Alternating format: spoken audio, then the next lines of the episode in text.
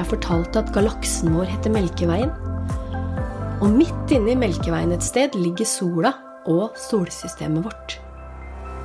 Vet du hvor mange planeter det er her? Ja, det er nemlig åtte planeter. Merkur, Venus, Jorda, Mars, Jupiter, Saturn, Uranus og Neptun. Jeg har lyst til å fortelle litt om dem, jeg.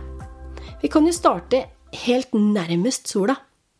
De fire nærmeste planetene er steinplaneter. Og Merkur, som er den aller nærmeste til sola, er den minste planeten. Den har ingen atmosfære, og den er så nær sola at alle gasser ville bare fordampa i varmen.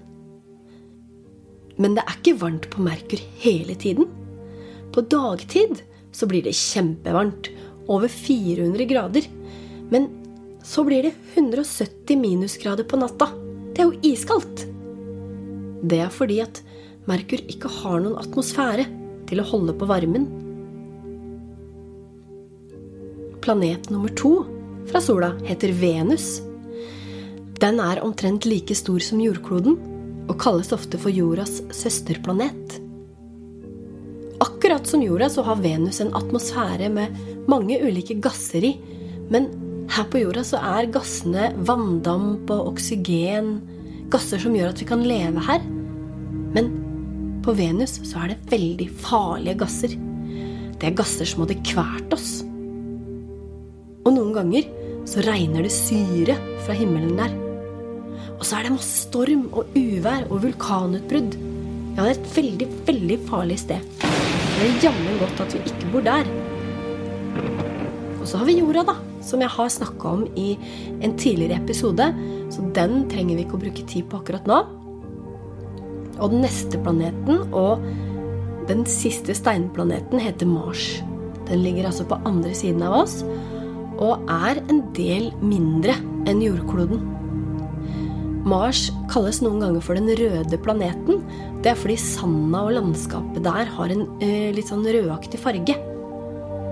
I dag så er Mars et tørt og ganske kaldt sted. Men forskere tror at det en gang har vært vann på Mars, og at Mars til og med har ligna på jorda. Men på et tidspunkt så ble kanskje Mars truffet av solstormer, og så ble atmosfæren ødelagt, og vannet kanskje fordampa. Forskere tror til og med at det kanskje har vært noe levende på Mars. De har prøvd å utforske planeten i mange år, men det skal jeg fortelle litt mer om i neste episode. Den neste planeten i rekka er den aller største planeten vår, nemlig Jupiter. De fire siste planetene er ikke lagd av stein, men av gass. Så Jupiter er en kjempestor gassplanet. Jupiter er mye, mye, mye større enn jorda. Og hvis du ser på bilder av Jupiter, så ser du at det er en at den ser stripet ut. Det er fordi det er så mye vind der. Ehm, men siden planeten er lagd av gass, så er det ikke noe fjell som kan stoppe vinden. Så Derfor så fortsetter det å blåse rundt og rundt i samme retning. Ehm, så disse stripene er det vinden som lager. Jupiter har også måner. Det oppdages nye måner hele tiden, men sist jeg sjekka, så var det rundt 80 måner rundt Jupiter. Så kommer Saturn, den sjette planeten fra sola. Saturn er litt mindre enn Jupiter, men fortsatt kjempestor. Saturn regnes for å være den vakreste planeten. Og det er fordi at den har sånne store, flotte ringer rundt seg.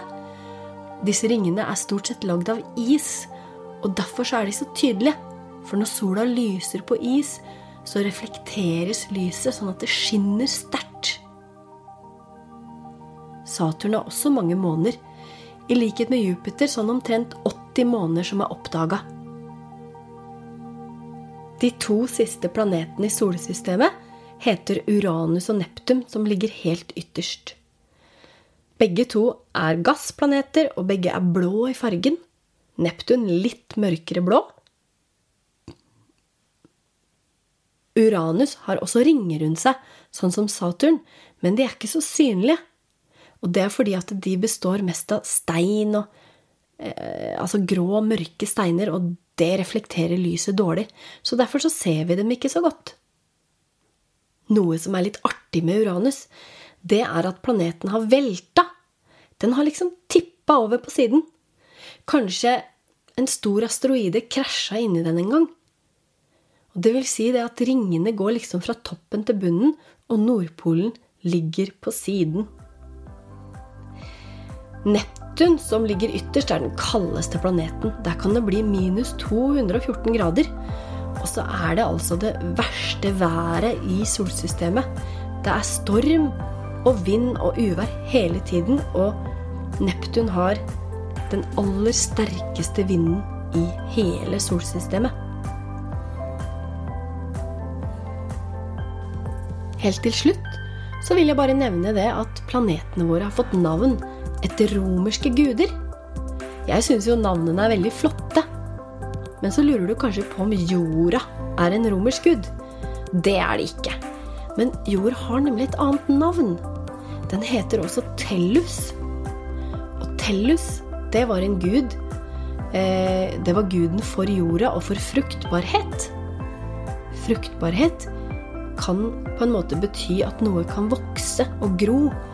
Så det syns jeg passer veldig bra til jordkloden.